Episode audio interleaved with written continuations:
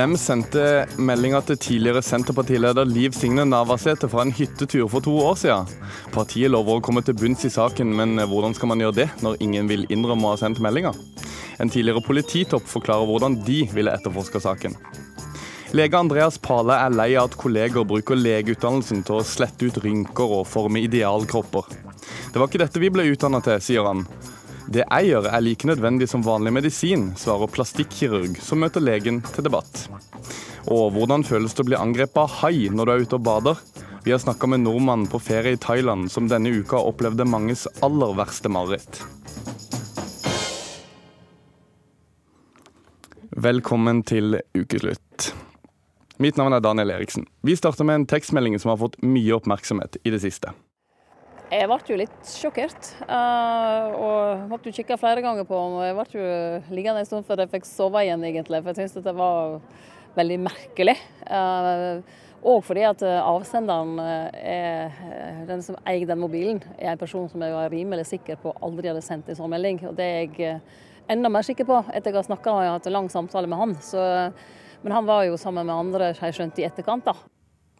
Tekstmeldingen som ble sendt til tidligere partileder i Senterpartiet, Liv Signe Navarsete, fra noen som deltok på en hyttetur for to år siden, har skapt bølger i det politiske Norge, og ikke minst i Senterpartiet. På hytteturen var det samla ti kompiser, og åtte av dem politikere i Senterpartiet. Blant eh, deltakere var nestleder Ola Borten Moe. I løpet av natta ble det sendt en veldig eksplisitt og slibrig melding til Navarsete. Denne uka har alle ti nekta for at de sendte den meldinga. Det er generalsekretær Knut M. Olsen som håndterer saken, og ble spurt om hvordan i Politisk kvarter. Vi tar dette på det største alvor, eh, og eh, jeg er i en eh, tett dialog med alle som var på hytteturen. Og ikke minst også Liv Signe, som det er viktig også å ta vare på i denne sammenhengen. Hvordan går du fram for å få disse til å snakke? De nekta jo alle sammen. Detaljer i hvordan jeg går fram, kan jeg nok ikke gå inn på her. Har du møtt deg andre til andre? Eh, jeg har møtt mange av de, også ansikt til ansikt. Men jeg vil ikke gå inn på detaljer på hvordan jeg jobber.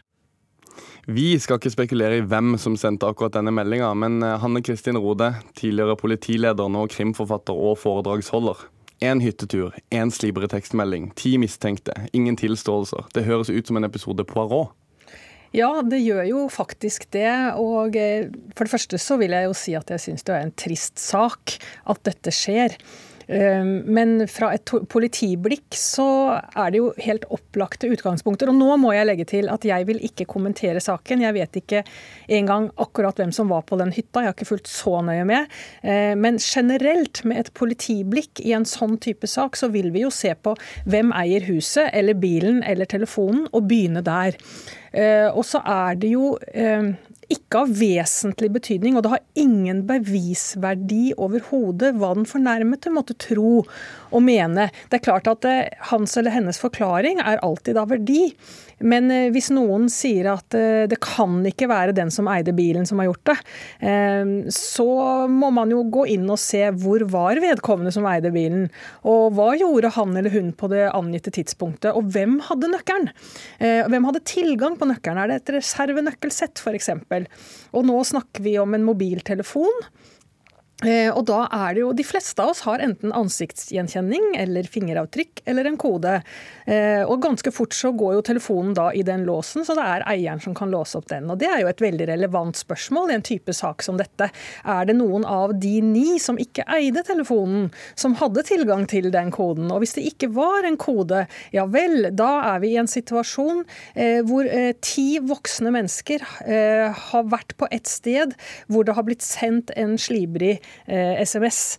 Eh, vi bare minne om, at dette fortsatt er ukeslutt og ikke starten på en krimpodkast. Ja, det, det, høres jo nesten starten, høres som starten på en sånn eh, krimpodkast. Eh, ja, det kunne det faktisk ha vært. fordi at det er jo naturlig i en sånn situasjon å avhøre alle som var til stede. Det gjorde i hvert fall Agatha Christie på det fulle.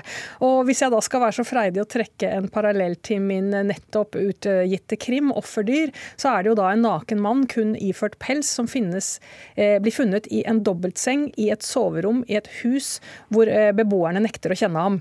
Eh, og det er klart at da, Siden vi ikke kan spørre han som er død, om hva som skjedde, så må man jo begynne med de som bodde i huset. General, generalsekretæren sier han ikke vil gå inn i hvordan han jobber. Altså Han har en, en eller annen form for hemmelig metode. Hvilken metode vil du brukt for å løse en sånn sak? Mm. For det første så vil jeg si jeg har jo forståelse for at han ikke vil si hvordan han eh, tar tak i dette personalmessig. Ja, hvorfor det? Det vil jeg gjerne høre. Nei, fordi at Man kjører ikke åpne prosesser. Hvis jeg hadde sittet som leder i politiet og dette hadde skjedd med noen uh, på min seksjon, så hadde ikke jeg gått ut i verken media eller på politidistriktet for øvrig og forklart hvem jeg snakket med og hva som skjer i en intern prosess. Så Det har jeg full forståelse for.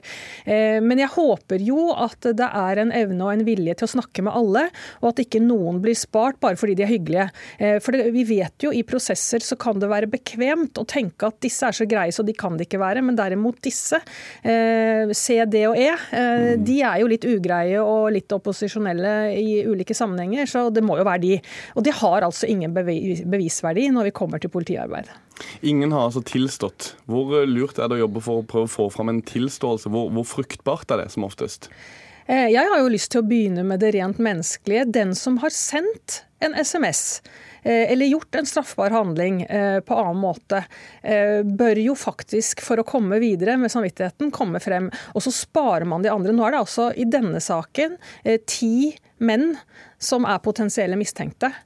Og jeg syns det er feigt av den som har gjort det, Eh, og ikke kommer frem. Og så må vi legge til at teoretisk sett så kan også denne meldingen være sendt fra noen som har tilgangen til denne Facebook-kontoen, som ikke var på hytta. Så hvis det er andre som har et passord, eh, så er det flere enn disse ti som er mistenkte. Vi skal også snakke med politisk redaktør i Adresseavisen Tone Svi Hagelen. Og la meg understreke, denne saken er altså ikke under politiet etterforskning. Eh, så derfor skal vi videre til politikken. Tone Sofie Aglen, hvor viktig er det å komme til bunns i denne saken, altså finne ut hvem som har sendt meldinga? Ja, Det er jo ikke ålreit for Senterpartiet å ha denne saken hengende uløst. Men sånn som saken har utvikla seg, så er det nesten aller verst for de eh, gutta på den hytteturen. For nå har jo den ene den andre stått fram mer uskyldig enn den andre, og da er det lett å få inntrykk av at de beskytter hverandre. Og de fleste her har viktige posisjoner i Senterpartiet, og det vil henge ved dem alle, om ikke noen tar motet til seg og forteller sannheten. Bør navnet komme ut i offentligheten, syns du? Sånn som det har utvikla seg nå, så er det vel ingen vei utenom. Men eh, det forunderlige her er jo at eh, saken ikke ble løst før det ble en mediesak. For da hadde det jo vært mye enklere å, å få fram det navnet enn nå hvor alle sammen har gitt seg sjøl en, en eh, solid falløyde ved at noen åpenbart ikke snakker sant. Jeg vil bare merke at I likhet med mange andre redaksjoner så har Ukeslutt invitert partileder Trygve Slagsvold Vedum til studio, men det var ikke aktuelt. Vi har også spurt Navarsete selv, som ikke ønsker å kommentere saken. Eh, men i går uttalte tidligere partileder Åslaug eh, Haga at partiet bør suspendere alle mennene som var på denne hytteturen, inkludert nestleder Ola Borten Moe, til saken er oppklart. Syns du det høres ut som en god løsning, Aglen? Ja, det er vel det dilemmaet som lærere står i klasserommet når ingen vil fortelle hvem som har skrevet stygge ting på tavla. Skal man liksom straffe hele klassen? Og det er jo kanskje besnærende for å få fortgang eh, på en tilståelse, men det vil også ramme uskyldige, så jeg tror jeg ville vært litt skeptisk til en sånn løsning. Hvor ille er, denne, er akkurat denne saken, eh, satt opp mot eh, Giske-saken, Tonning Riise-saken og Leirstein-saken? Nei, det er en veldig forskjellig sak, hvor det handler om enkeltpersoners overtramp. Så er dette en sak som kan knytte, knyttes til en maktkamp og en fløy i Senterpartiet, den her såkalte trøndermafiaen. Og vi vet jo at uh, Navarsete og Borten Moe sto på hver sin side i en veldig bitter konflikt, og at denne gjengen, eller deler av denne gjengen spilte en aktiv rolle da Navarsete til slutt trakk seg. Og jeg syns at det er denne tilleggsdimensjonen som gjør at, uh, at denne her meldinga blir uh, ekstra stygg. Jeg bare stille et spørsmål til til deg, Hanne Kristin Rode. Er dette her noe sånn eh, bokmateriale framover? Det høres jo ut som en bok? Ja, dette kunne absolutt eh, vært et bokmateriale. Og så har jeg lyst til å legge til at det å la det på nåværende tidspunkt gå utover alle ved å suspendere, syns jeg ikke er noen god løsning. Jeg syns heller man skal ta tak i en kultur. Eh, dette fremstår jo da slik det har kommet frem gjennom media, som en gutteklubb grei som har hatt det gøy. Det må være mulig å kartlegge hvem hadde lagt seg, hvem hadde ikke lagt seg, hvem var hvor da dette skjedde, og gå derfra holde forklaringene opp mot hverandre. Og jeg som sagt syns det er feigt at uh, den som har skrevet det, ikke tør å komme frem. Hvorvidt det har allmennhetens interesse å si navnet, det er en annen sak. Aglen, hvor går veien videre for Senterpartiet? Nei, jeg tror at uh, eh, håndteringa til Senterpartiet uh, er kanskje det viktigste her. For det, alt tyder på at partiet ikke tok denne meldinga tilstrekkelig på alvor. At den ble bagatellisert og til og med ble glemt. Så er det selvfølgelig en mulighet både for eieren av denne telefonen og også for Navarsete å anmelde. Da ville man kanskje ha fått mer profesjonelt blikk på det. Men jeg tror nok først og fremst dette handler om kultur, det handler om å forbedre holdninger og bli enda dyktigere til å håndtere sånne saker neste gang, for noe har åpenbart svikta her. Hanne Kristin Rode, tidligere polititopp, som vi kalte det i toppene våre, og politisk redaktør i Adresseavisen Tone Sofie Aglen, takk for at dere kunne være med i Ukeslutt. Du ser det i media, og du ser det ikke minst på blogger. Fyldige lepper med perfekt symmetri. Trenden med å sette sprøyter og fylle opp leppene har spredt seg til ungdommen. Det fikk vi bevis for sist uke. Da la en salong i Tromsø ut et tilbud hvor russ kunne få rabatt på såkalt filler, eller leppeforstørrelse. Firmaet fikk så mye hets at de trakk tilbudet tilbake, men eh, debatten om hva leger skal tilby i det private markedet fortsatte. Vi skal straks ta den debatten, men først gir vi ordet til barne-TVs Margrethe Rød. Er det sensuelt med sollepper? Jeg vet ikke. Hvor kom det der fra? Jeg skjønner ikke. NRK-kollega Margrethe Rød, kjent fra mange barne- og ungdomsprogrammer, skjønner ikke trenden med å fylle opp leppene. Altså disse store leppene. Det skal jo være sexy, jeg vet ikke hvorfor, men det er jo det. Så det kommer jo rett og slett fra porno, liksom. Er det det vi vil? Vil vi gå rundt og være sånne pornostjerner, sånn dyriske som bare skal lokke oss inn i sex? Eller har vi lyst til å få gode venner og bruke personligheten vår til å imøtekomme folk? Rød la denne uka ut en video på sosiale medier hvor hun først former en trutmunn, som så blir et bredt nebb. Et andefjes, eller duckface, som folk med fillerlepper blir kalt. Rød har følgende å si om fillertilbudet til russen i Tromsø. Når da 18-åringer eh, som fortsatt går på skole, blir tilbudt å fylle leppene, hva sier vi til dem da, liksom? Det er jo om å gjøre å være så flink, så flink på skole, få beste karakterer. De skal flinkest hele tida, så skal de søren meg være flinkest på utseendet sin også. Filler er en tynn gelé som settes med sprøyte for å fylle opp lepper og jevne ut rynker. Filler er i motsetning til Botox ikke noe legemiddel, dermed er det lovlig å reklamere for produktet. Men da Ansikta Medica i Tromsø lokka russen med leppefylling til 2500 kroner, vakte det sterke reaksjoner. Spesifisere det til russen, da, som er så sårbar, og si at hvis du vil se pen ut i russetida, så kan du ta Restylane. Det blir helt feil. Russepresident ved Kongsbakken videregående skole, Julie Jacobsen Brekkås, var en av dem som kritiserte det. Dagen etter var tilbudet fjerna. Det er lovlig å reklamere for produktet til eh, individer over 18 år, hvilket de har gjort. Eh, de har vært veldig tydelige på at dette gjelder personer over 18 år. Inger Marie Holm er kunde hos det russiske legeekteparet som driver Ansikta Medica. Ekteparet vil ikke bli intervjua av Ukeslutt, men ber oss snakke med Holm i stedet. Det er lovlig virksomhet de driver. Det er lovlige produkter de tilbyr. Eh, sånn at jeg tenker at da er de reaksjonene som er kommet frem i media, eh, veldig dramatisk knytta til at det her er en, eh, det er en småskalabedrift i Tromsø. Du kan ikke forstå at noen syns det er feil å friste unge til å endre utseendet sitt? Jo, jo, jo, jo. Selvsagt forstår jeg det. Altså, og det er det som er poenget mitt.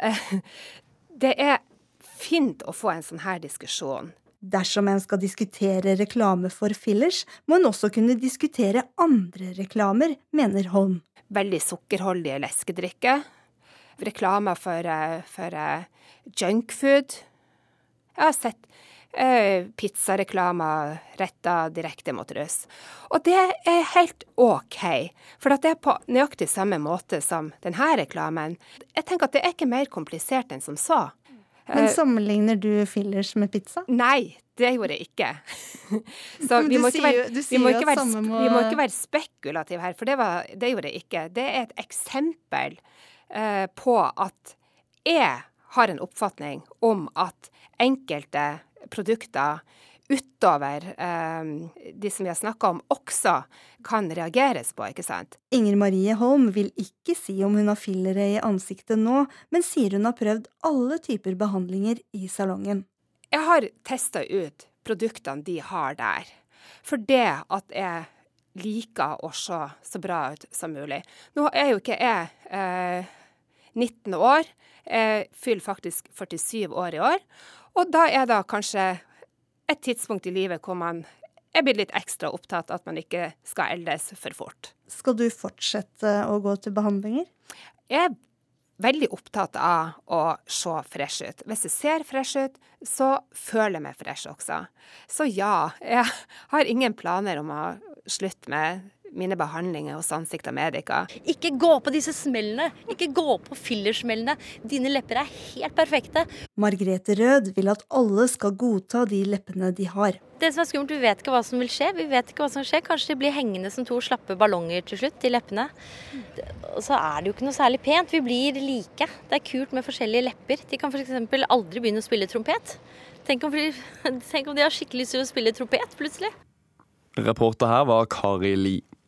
I en uttalelse til Dagbladet sier paret som driver Ansikta Medica at de nå ser at det ikke var klokt å gi russen tilbud om fillers. Vi skal ikke debattere den annonsen nå, for de to jeg har i studio er enige om at den annonsen ikke helt passa seg. Men eh, det var dette som fikk deg til å skrive kronikk. Allmennlege Andreas Pale, du skriver i Aftenposten at dere leger er utdanna til å hjelpe, ikke drive med det du kaller unødvendige kosmetiske inngrep. Hva mener du med det? Ja, det er riktig. Jeg skrev en uh, kronikk i Aftenposten sammen med min kollega Henrik Fugt. Uh, og det er jo naturligvis en prinsipiell diskusjon, dette. Um, som handler om hva som er legevirksomhet. Jeg kan jo si Tradisjonelt så snakker man jo om at medisinsk virksomhet det er å forebygge, lindre, diagnostisere og kurere sykdom. Det jeg finner i litteraturen på det som heter estetisk kirurgi, estetisk inngrep, er at det handler om å forbedre allerede friske mennesker. Altså Begrep som brukes er 'enhancement'. Jeg tror det oversettes best som forbedring. Og det vi spør, er om det er så stor diskrepans mellom de to målene, altså det tradisjonelle målet og det nye målet, at man i det hele tatt kan kalle dette for eh, legevirksomhet. Hvorfor skal du som lege bry deg om hva folk gjør med kroppen sin for å få det bedre? Altså, Det handler jo om at leger skal Altså, vi har tillit til befolkning, i befolkningen, tror jeg fortsatt. Vi representerer et eller annet. Vi representerer et eh, Når vi gjør vurderinger eh, knyttet til sykdom, så, så, så, skal pasientene være trygge på at det vi gjør, er til deres beste. Dette her er et uklart mål, og mål som på en måte handler om forbedring. slik at da er det litt vanskelig å skjønne hva er min rolle, eller hva er legens rolle inn i dette. Bjørn Jarle Tvedt, plastikkirurg ved Akademiklinikken. Her får du passelig påskrevet. Driver du med unødvendige kosmetiske inngrep? Altså, eh, Kompleksiteten i det jeg driver med, er mye større enn det som eh, kommer frem. Og når, det gjelder injeksjon av lepper til 18-åringer, så er det hele den seriøse bransjen enig i at det er et etisk overtramp her i Norge. Um, det som vi er opptatt av, er at vi må ta pasienten på alvor. Vi lytter til pasientens plager. Eh, forskningen viser at pasientene har brukt lang tid før de dukker opp på kontoret hos oss. Har, mange har gått nesten gjennom et helt liv før de kommer. For det er et stort tabutrykk i samfunnet eh, mot å gjøre det her i Norge. Men det er forskjellig fra land til land og fra kultur til kultur. Eh, det vi gjør, det er at vi hører på hva pasientens plage er. Og en kronisk plage, hvis du har en skamfølelse eller et kompleks som vil vare hele livet, så er det naturlig å høre om det fins hjelp. Og nå har jo eh, plastikkirurgi og også med, eh, kosmetisk medisin kommet så langt i trygg behandling at eh, løsning kan være å gjøre noe for å bedre da selvfølelsen. Og selvfølelsen er direkte knyttet til sosial interaksjon. Og da er det også knyttet til livskvalitet. Og livskvalitet er veldig tett knyttet opp til mental helse. Hvordan vet du at det hjelper? Det høres jo logisk ut at de kommer med et problem, og så fikser du det problemet, og så blir de lykkeligere. Men, men hvordan vet du at det hjelper på lang sikt? Eh, det kommer med flere forskningsartikler nå som viser eh, effekt av kosmetisk kirurgi. Det kommer? I, det, det, er allerede ute. Og quality of life, altså livskvalitetsstudier. Da kan man etter hvert sammenligne eh, effekt, livskvalitetseffekt av en hofteprotese hos ett menneske med å få operert nesen sin hos et annet menneske som bærer stor skamfølelse, f.eks. at de føler at nesa ser ut som en heksenese. Det er en god sammenligning. Andreas Bale, man kan, jo, kan man ikke øke livskvaliteten på lik linje med en ny hofte som en, som en ny nese? Spesielt i dette eksempelet her? Altså, det vil jo være medisinens eh, på en måte default å prøve å lage studier som kan si noe om, om dette. Eh, jeg har gjort en del litteratursøk og har ikke funnet noen Eh, design på studier som kan besvare det spørsmålet Men så, i dag. Svar på det spørsmålet da, Kan ikke det heve livskvaliteten å få en, hvis du har blitt kalt heksa hele livet? Poeng, jo, altså kanskje det, men poenget er vel det må sidestilles med relevante andre intervensjoner som kanskje kan gi like god effekt, men og er like langvarig. La oss si en, en, psykoterapeutisk intervensjon. Det er det som er relevant. Men det andre spørsmålet er jo i det hele tatt om dette skal være innenfor medisinens eh, sfære, eller om dette skal være noe vi som et samfunn aksepterer og sier at, og støtter opp. Altså en, mer en kulturell, eh, en kulturell forståelse av ulikhet. da. Eh, Bjørn Jarle Tvedt, du sier at det er mye mer vanlig i andre land, og det vet vi jo. Men er det, er det nødvendigvis sunt? Er det ikke bra at vi har det sånn som vi har det her nå? Eller hva syns du om det? Det lurer jeg på. Jeg har tre døtre. Jeg er far til tre døtre i tenåringene. Og eh, vi er alle glad for de holdningene vi har til kroppsbildet og, og kropp her i Norge. Og det er selvfølgelig truet bl.a. fra media, som skriver om er du forberedt til eh, badesesongen?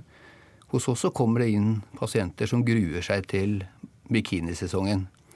Og det, når det gjelder Det er lett å si Jeg hører både psykologer og psykiatere si eh, at um, det er jo bare å få litt psykologisk hjelp. Jeg har Dessverre så er det veldig lite eh, god eh, forskning som viser at de kurerer veldig mange av disse her. Og jeg får også henvisninger fra allmennpraktikere på pasienter som de har gått med lenge, som har et problem, og som finner det fornuftig at f.eks. pasienten får gjort en bukplastikk, selv om de egentlig ikke kvalifiserer for en medisinsk uh, bukplastikk. Så det er Men i, i samtalen med pasienten så er du jo på en måte like mye psykolog, eller du er mer psykolog før, før du er kirurg. Er skal det da ligge innenfor medisin på den måten som Andreas mener her? Eh, altså, eh, vi bruker ca. 45 minutter på en konsultasjon.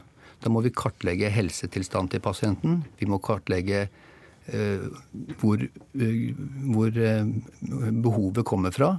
Om det er deres eget behov. Se på vevskvaliteter. Finne ikke minst forventninger.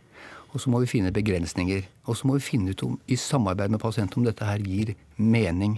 Og også mening i en videre forstand, altså i en helsemessig forstand. Og det det hadde vært veldig fint hvis Andreas hadde vært med meg en dag på konsultasjonene og snakket med disse pasientene. Ja, blir du med på det, Andreas?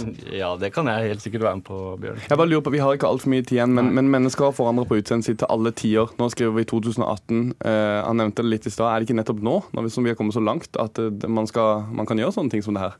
Men at noe er gjort til alle tider, er jo ikke et argument for at vi skal gjøre det i dag. Det er sant, men at det er tryggere nå enn det er for 100 år siden, eller for 1000 år siden, for den saks skyld. Men det er fortsatt ikke et argument for at man skal gjøre det i dag. Jeg tror at det som er viktig, og som, som er det andre poenget jeg bare vil si helt avslutningsvis, er at leger har et ansvar. Vi kan ikke bare si at det eksisterer en eller annen svær megatrend som handler om at uh, kvinner, unge kvinner, unge menn vil uh, endre på kroppene sine, og at det er styrt av massemedia, blogger osv. Leger uh, kan styre etterspørselen eh, gjennom de teknologiene vi har. Og, og, vi har et stort ansvar i, i akkurat dette spørsmålet. Da fikk du siste ord, Andreas Pale, allmennlege, og Bjørn Jarle Tvedt, plastikkirurg. Takk for at dere kom til ukeslutt.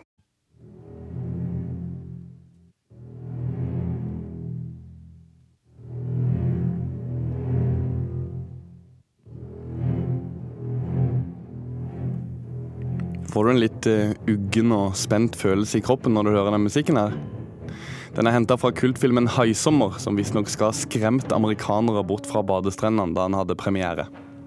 Vi skal til en badestrand i Thailand, der en nordmann denne uka opplevde manges store skrekk og ble angrepet av hai da han bada. Vi har snakka med Werner Danielsen på telefon fra sykesenga på sykehuset, som forteller at haien beit han i foten. Foten hang fast, og jeg kjente det var tre sånne hogg. Og han prøvde seg tre ganger, men etter det forsvant han. Men hadde det vært et reelt angrep, så har vel, har vel resultatet vært noe annet. Altså, hva, hva, går gjennom hodet ditt eh, i det, det, du sier det, det kommer tre hogg, men eh, det første hogget kommer inn? Hva, på en måte, hvilke tanker går gjennom hodet ditt da? Jeg tenkte med en gang hai.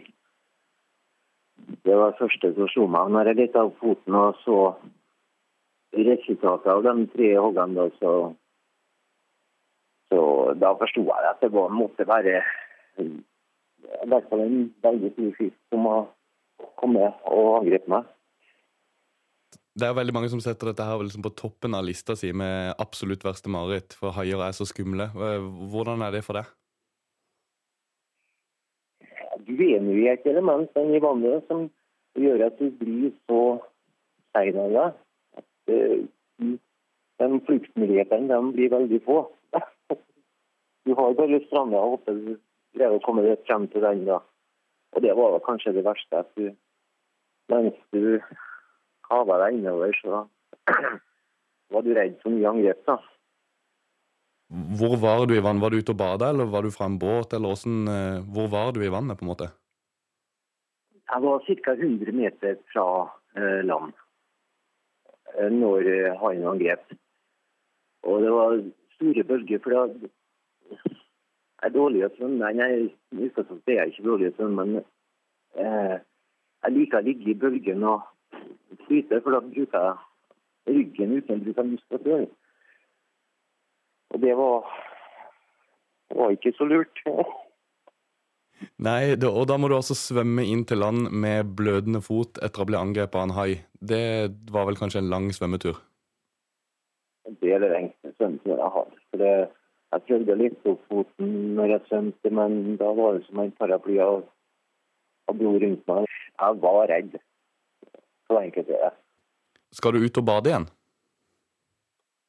Ja, at jeg kommer til å bade igjen en gang jeg får sjanse. Kanskje jeg tar meg en tur eh, ned hit en, en to-tre dager før jeg drar hjem til Norge. Det sa Werner Danielsen. Vi ønsker han god bedring. Engangskopper til kaffe er en stor søppelkilde i naturen. Nå vil fremtiden i våre hender innføre pant på koppene. Det ble såpass ille at jeg spydde hver dag, fortalte en proffsyklist denne uka om spiseforstyrrelser blant mannlige utøvere i idretten. En lettelse at dette nå kommer ut, sier tidligere proffsyklist Mats Kaggestad, som forteller om et miljø med ekstremt vektfokus og sykelige dietter. Han har selv opplevd å bli kalt feit av ledere. Og veidirektøren har bedt russen slutte å ha sex i rundkjøringer og løpe nakne over broer. Sexen er grei, men nakenløpet vårt får du aldri, sier russen, som møter veidirektøren i ukeslutt. Engangskopper og andre engangsartikler er nummer fire på lista over hva plastrydderne finner mest av her i landet. Vår reporter Linn Beate Gabrielsen har funnet ut hva som er mulig å gjøre med alle koppene vi tar med oss fra kaffebaren. For visste du at selv pappkoppene ofte inneholder plast? Derfor vil fremtiden i våre hender nå innføre pant på kaffekoppen. Hei, jeg kan få en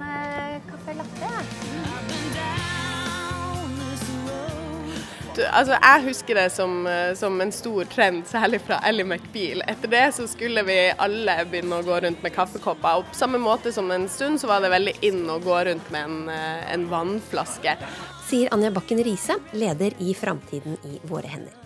Har du tenkt over at disse pappkoppene ikke bare har et plastlokk, men også et tynt lag med plast inni for at koppen skal være tett?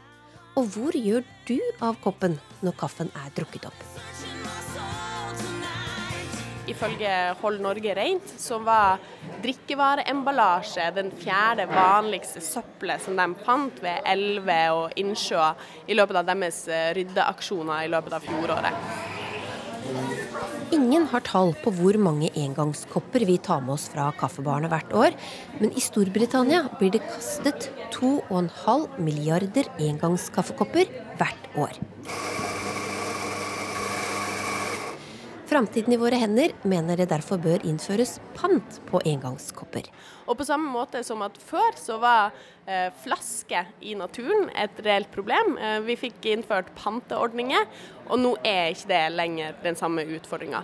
Eh, så her tror vi at det er gode muligheter for å få bukt med kaffekopper og drikkevareemballasje på avveie i naturen. Hvordan kan det foregå rent praktisk? Vi ser for oss at det kan skje ved at man kommer tilbake, man leverer inn koppen og får tilbake panten, og at uh, hver enkelt bedrift har det som en del av sitt vanlige avfallshåndtering og resirkuleringssystem. Og Da kunne panten bli satt f.eks. på den samme taksten som vi nå har på drikkevarebokser, som er på to kroner. I et hjørne på Jungstorget sitter en dame og nyter en medbrakt kaffe og noen varmende solstråler. Så lurer jeg også på, Hva skulle til for at du skulle levert den tilbake der hvor du kjøpte den? Hvor mye pann? Ikke trengt å være så mye, tror jeg. Nei? To kroner, er det nok? Kanskje to kroner er nok. Ja. ja. Hva gjør du med den i dag, da? Nå kaster jeg den, da. Ja. Hvis jeg er flink, så kaster jeg den i pappersøppel. Men hvor skal du egentlig kaste koppen? I papiravfallet? Plastavfallet? Eller restavfallet? Vi spurte Frode Syvertsen, daglig leder i Mepex, avfallskonsulenter for både private og det offentlige. Nei, det skal i restavfallet, faktisk. Eh, det er litt synd. Det har et potensial eh, for gjenvinning, men eh, slik systemet er lagt opp i dag, skal dette i restavfallet. Hva er problemet med å putte det i papiravfallet, da? Det er et hygieneproblem. og Alle kommuner beskriver at dette skal i restavfallet. Det kan være en mulighet framover og vei å gå. og Kommer det i papiret, så blir det håndtert i papiravfallet på en grei måte. Hvor realistisk tenker du en eh, panteordning eh, kan være, eller hvor godt tiltak kan det være? Jeg vil jo si at en panteordning kan være med å legitimere på en måte et eh, forbruk av et engangsartikkel som vi ønsker å, å redusere, så jeg er veldig usikker på hvor stor effekt det vil ha. Da ville jeg heller gått for å tenke på en eh, om, mer bruk av eh, ombruksemballasje, eller kopper du kan bruke om igjen. Vi har jo sett byer i Tyskland f.eks. som organiserer et byttesystem eh, i kafeene. Så de, du slipper å bruke engangskopper, men bruke kopper som har et langt liv. I London har Starbucks et forsøk med å ta fem pence ekstra når folk velger engangskopp. Men de vet ikke ennå om de vil forsøke det samme i Norge. Både i Dublin og Vancouver jobbes det med helt eller delvise forbud mot engangskopper, og Verdens naturfond, WWF, ønsker også et forbud, sier generalsekretær Bård Vegar Solhjell. Altså det er plast som ikke vi trenger i samfunnet, der det finnes gode alternativer, og som ikke har store konsekvenser, det kan vi bare fase ut, slutte å bruke. Eh, og så tror jeg at eh, de fleste mennesker kommer til å akseptere det, fordi vi vet nå hvor stort miljøproblem plast i havet er. I går inviterte klima- og miljøminister Ola Elvestuen til møte om engangsplasten. Verken Starbucks, Kaffebrenneriet eller Espresso House har villet la seg intervjue i denne saken. Så hva skal vi som har lyst på en kaffe i farta gjøre nå, mens vi venter på at politikerne skal bestemme seg? Nei, ta med deg en kopp, da vel. Denne uka åpna en eh, amerikansk proffsyklist, Ben King, opp om noe som har vært veldig vanlig, men som nesten ikke har vært snakka om før spiseforstyrrelser blant mannlige utøvere i sykkelsporten. Det var til TV 2 King fortalte at citat, det ble såpass ille at jeg spydde hver dag og generelt fikk et veldig usunt forhold til mat.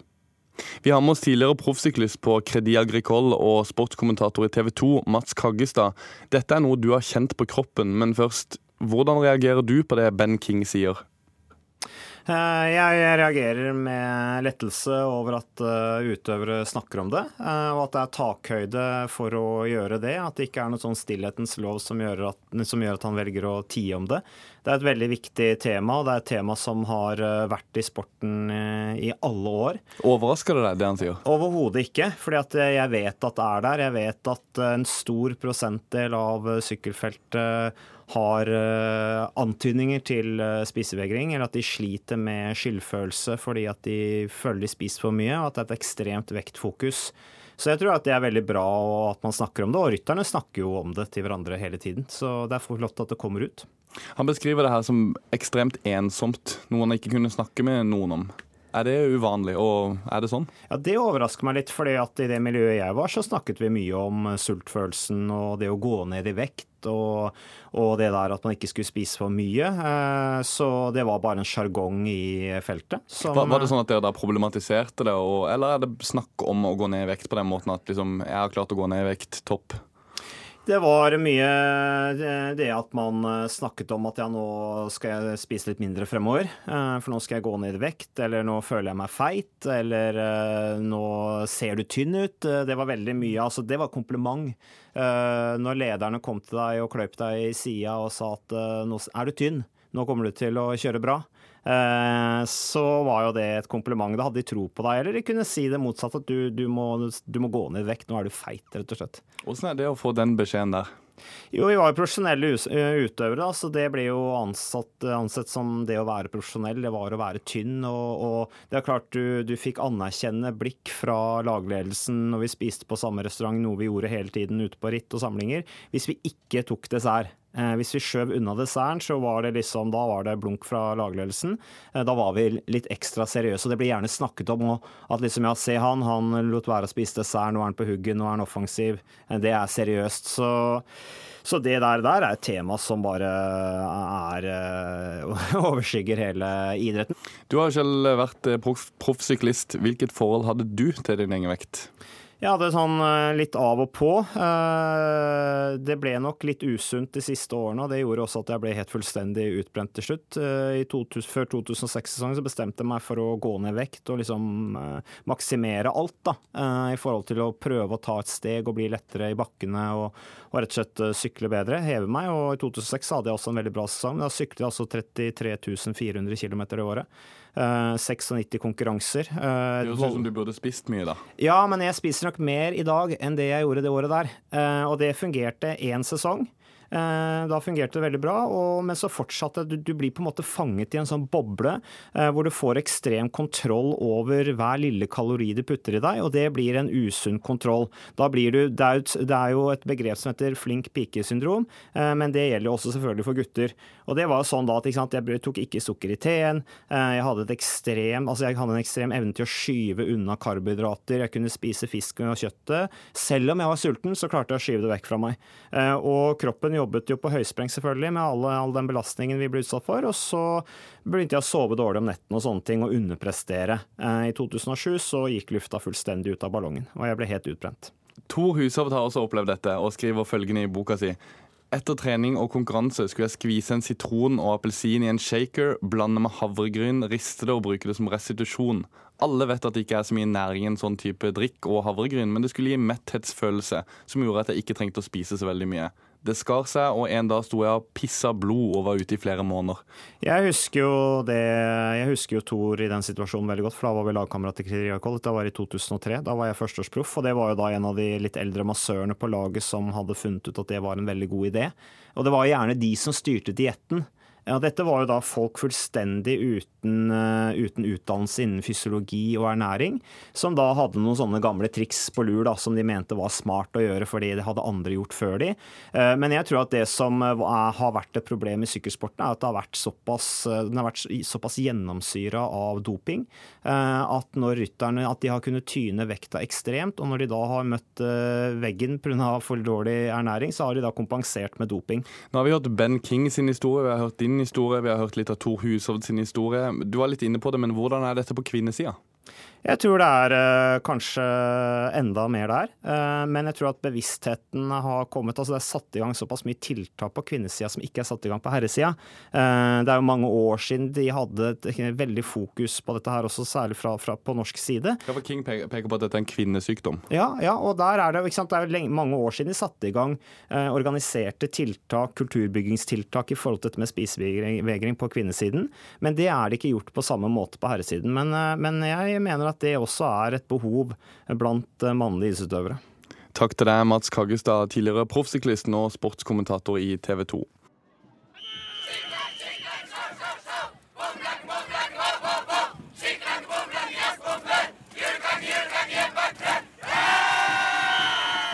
Russetida er i full gang, og det er også den sedvanlige diskusjonen om russens knuter. For i en pressemelding som Vegvesenet publiserte denne uka med tittelen 'Nei til sex i rundkjøringer', fraråder veidirektør Terje Moe Gustavsen russen fra å ta knuter ved å ha sex i en rundkjøring. Saken har fått enorm oppmerksomhet denne uka verden over, og til og med New York Times har skrevet om rundkjøringssexen. Det var vel et litt større omfang enn du så for deg, veidirektør Terje Moe Gustavsen. Men eh, hvordan har det vært å lese om det norske veivesenet på japansk? Ja, det, det, fikk jeg ikke helt til. Eh, men eh, jeg behersker jo engelsk såpass at jeg fikk med meg New York Times og, som det blir sagt, en ekstrem oppmerksomhet og selvsagt langt utover det jeg hadde venta. Hva var tanken bak pressemeldinga, og er denne knuta så farlig? Altså, Jeg vil at russen skal ha det moro, jeg. Uh, og da vil jeg at uh, de og vi skal unngå fæle ting. Og det å surre rundt i rundkjøringer spesielt, det er rett og slett farlig. Altså, fordi at det er et sted for biler, og ikke for folk. Helt uavhengig om det er sex eller andre aktiviteter i rundkjøringa. Det er brannfakkel. Rundkjøring er et sted for biler. I går bestemte i hvert fall russen seg for å droppe denne knuta. Er du fornøyd med det? Ja, det lever jeg veldig godt med. Så registrerer jeg at de tviholder på regelen om å løpe naken over Mjøsbrua. Og det, det, det, lever jeg godt med. Jeg bare håper at det ikke blir økende trafikk da, i håp om å se nakenruss. Det skal vi se litt nærmere på. fordi Vi har med oss russepresidenten i Ringsaker, Kine G. Berge. Hvorfor valgte dere å bøye dere for veidirektøren i denne rundkjøringssaken? Jo, russen er jo opptatt av sikkerhet, så vi har lyst til å Vi kan ha det moro uansett, vi, selv om den knuta er der eller ei. er det noen russ som er skuffa over at de ikke får hatt seg en rundkjøring? Er det noen som har gleda seg? Nei, det tror jeg ikke. Jeg tror de fleste finner på morsomme ting uansett, så jeg har ikke fått noe inntrykk av det, i hvert fall. Veisjefen var inne på det, men i, i pressemeldinga så står det også at eh, veisjefen fraråder en annen knute at dere skal løpe naken over den nesten halvannen kilometer lange Mjøsbroa.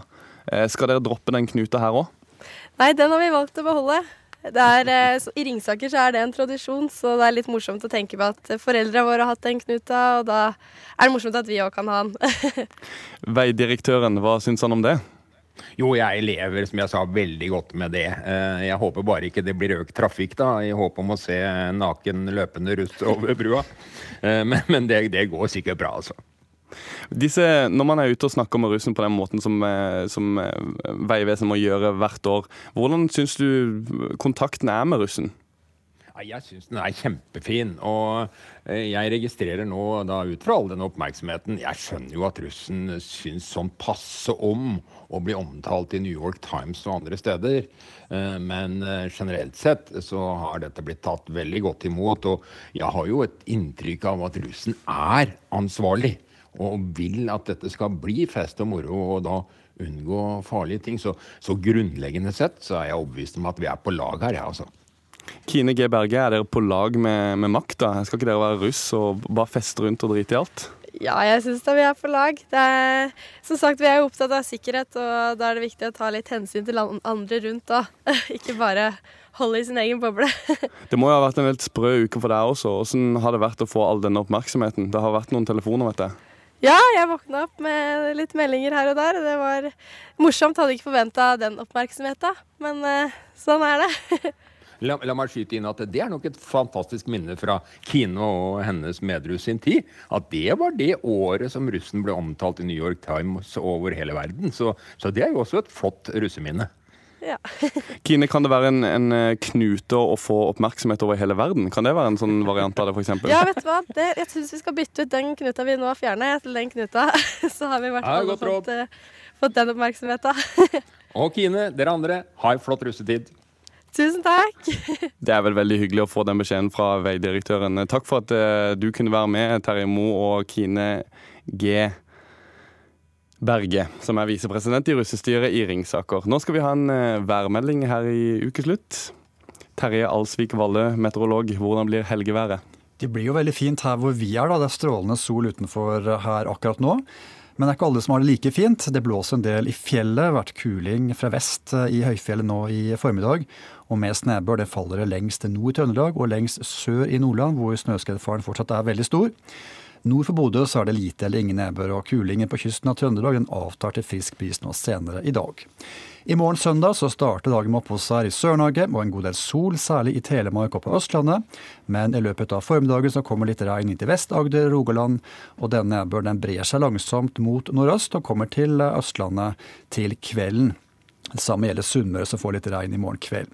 Lenger nord i Sør-Norge oppholder seg hele morgen. Vinden øker til sørlig liten til stiv kuling lang kysten av Vestlandet sør for Stad. I Nord-Norge morgen skyet eller delvis skyet vær og enkelte regnbyger i Nordland og Troms, delvis som snø i høyden. I Finnmark blir det stort sett oppholdsvær i morgen og rolige vindforhold i Nord-Norge. På Spitsbergen oppholdsvær og perioder med sol. Temperaturen nå i eh, ja, ved 13-tiden var i Tromsø 8 grader, Trondheim 6. Bergen har 10 grader, mens Kjevik, Kristiansand og Oslo-Blindern begge har 15 grader. Og aller varmest i Norge nå, det er det rundt Tønsberg, hvor temperaturen ligger på 17 behagelige grader. Jeg syns den sommeren har blitt satt i gang så mange ganger. Kan vi endelig si at sommeren har blitt satt i gang nå, da? Sommeren, jeg vet ikke om folk sier det er sommer, men i hvert fall en god vår. da, på så tidlig for sommer, Men det er jo egentlig vår fortsatt. så Det har jo vært over 20 grader senest i går eh, på Sørlandet bl.a. Men eh, i dag så greier vi ikke 20, men 17-18 er vel det vi greier i Norge i dag. Det er jo helt greit. Absolutt. Se til å være den datoen, så er det bra. Takk for den værmeldinga, Terje. Ansvarlig for denne sendingen var Andrea Kvamme Hagen. Teknisk ansvarlig var Frode Thorshaug, og i studio fant du Daniel Eriksen. Vi kan ta med at det nylig ble klart at politiet ikke mistenker at noe kriminelt har skjedd i forbindelse med dødsfallet til artisten Tim Bergling, bedre kjent som Avicii. Han ble funnet død i Oman fredag, 28 år gammel. Så gjenstår det bare for oss i Ukeslutt å si takk for at du hørte på. Ukeslutt kan du høre når du vil, hvor du vil, enten som podkast eller i NRKs nettspiller, som du finner på nrk.no. Du kan også høre oss på Alltid nyheter klokka fire, og vi tar gjerne mot tips og tilbakemeldinger, eh, spesielt positive, på ukeslutt at nrk.no. Takk for oss.